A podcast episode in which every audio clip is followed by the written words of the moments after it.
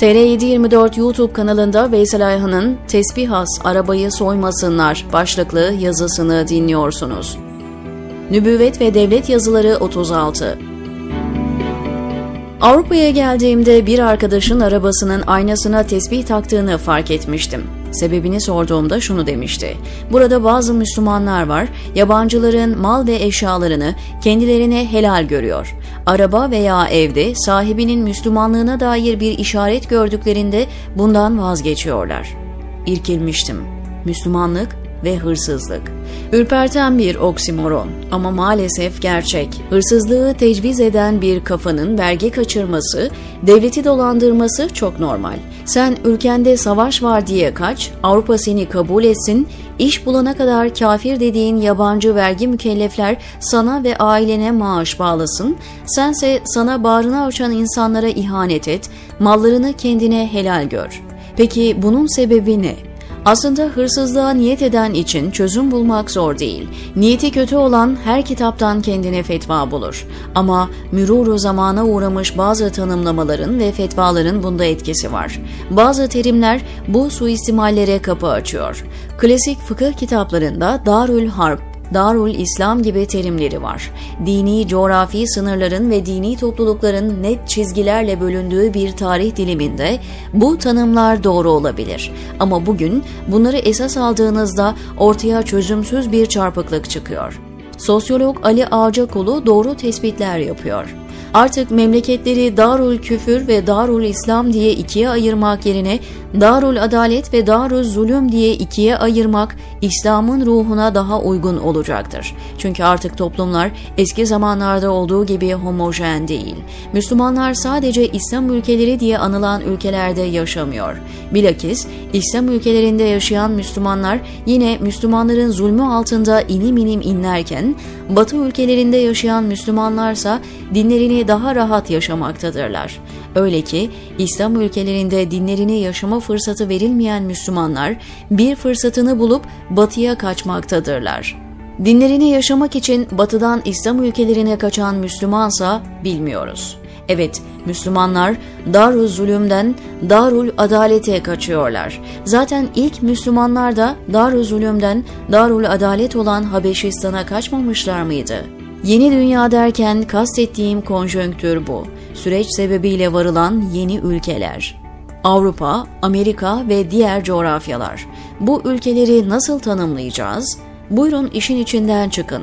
Binaenaleyh şeriatla idare edilen Suudi Arabistan, İran ve Malezya gibi ülkeler dahil bütün İslam ülkelerindeki siyasi yönetimlerindeki İslam'a aykırılıklar, seküler Avrupa'nın İslam'a aykırılıklarından çok daha fazladır. Hatta seküler Avrupa'daki uygulamaların %90'ın üzerinde İslam'a uygun olduğu söylenebilir. İslam siyasi düşüncenin iki temeli olan meşveret ve adalet ilkeleri Avrupa'da uygulanırken İslam ülkelerinde istişare ve adaletten bahsetmek neredeyse imkansızdır. Halbuki Hz. Ali devletin dini adalettir der. Yoksa devlet namaz kılmaz ve oruç tutmaz. Adalet varsa İslam vardır. Adalet yoksa İslam da yoktur. Almanya ile Türkiye'yi mukayese ettiğimde Almanya'nın Müslümanlara sunmuş olduğu dini özgürlüklerin Türkiye'nin Müslümanlara verdiği dini özgürlüklerden temelde ve detayda daha geniş olduğunu rahatlıkla söyleyebilirim.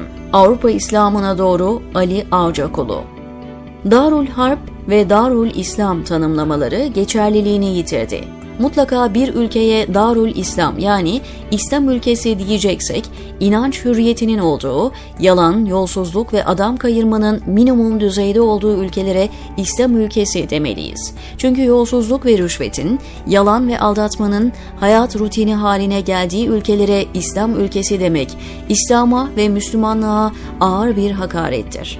Önemli bir fakih ve müfessir olan Maverdi'ye nispet edilen bir küfür ülkesi orada dinin ishar edilebilmesi halinde Darul İslam olur sözü çarpıcı bir kriterdir.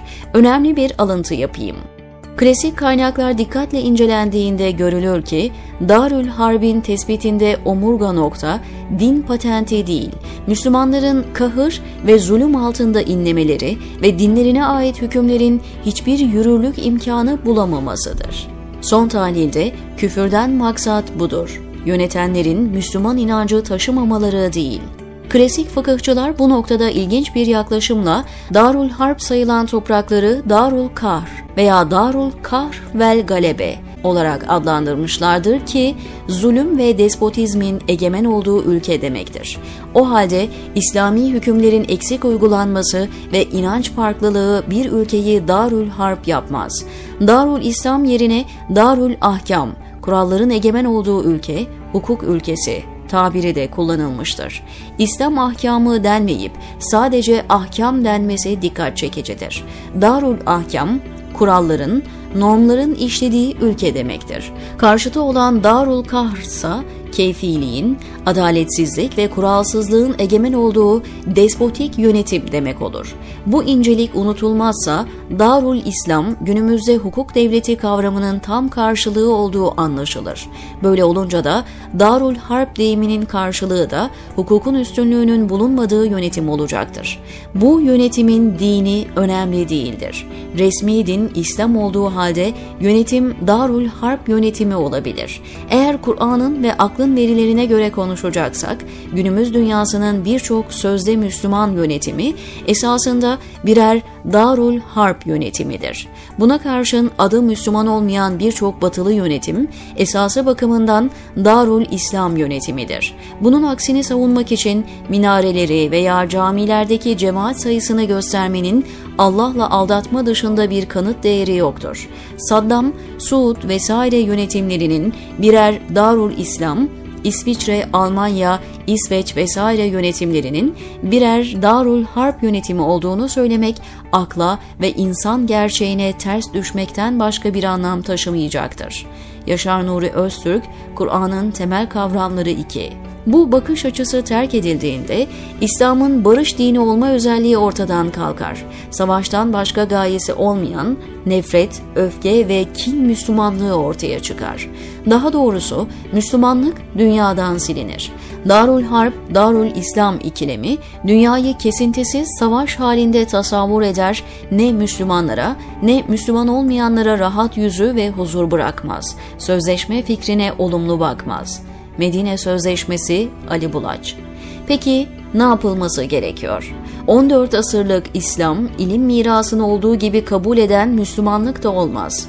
Evet, geleneği kabul edeceğiz ama Selefilerin yaptığı gibi değil onda bir ayıklamaya gitme ve onların yetmediği ya da günümüz gerçeklerine uymadığı yerde geleneği yeniden inşa edeceğiz. Arkadan gelen insanlar olarak geleneğe ek koymasını bileceğiz. 13 asır önce Orta Asya, 10 asır önce Endülüs'te, 2 asır önce Osmanlı'da hatta 50 yıl önce ülkemizde üretilen bilgileri aynıyla kabullenmek bugün ne kendimize yeni bir kimlik inşa etme imkanı verir ne de hayatı Allah ve Resulünün muradı doğrultusunda yaşamamızı sağlar.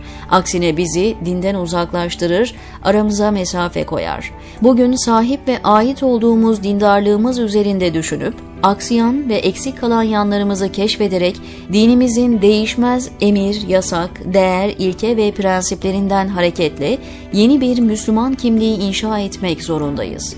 Bunun adı Amerika'da Amerikan Müslümanlığı, Avrupa'da Avrupa Müslümanlığı olur. Kaldı ki bu isimlendirmelere bile takılmaya gerek yok. Mühim olan onun ortaya konabilmesi. Sadece Amerika ve Avrupa'da mı? Hayır ben Müslümanım diyen insanın bulunduğu her yerde. Amerikan veya Avrupa Müslümanlığı Ahmet Kurucan Sonraki yazı Bediüzzaman ve Siyaset diyor Veysel Ayhan TR724'deki köşesinde.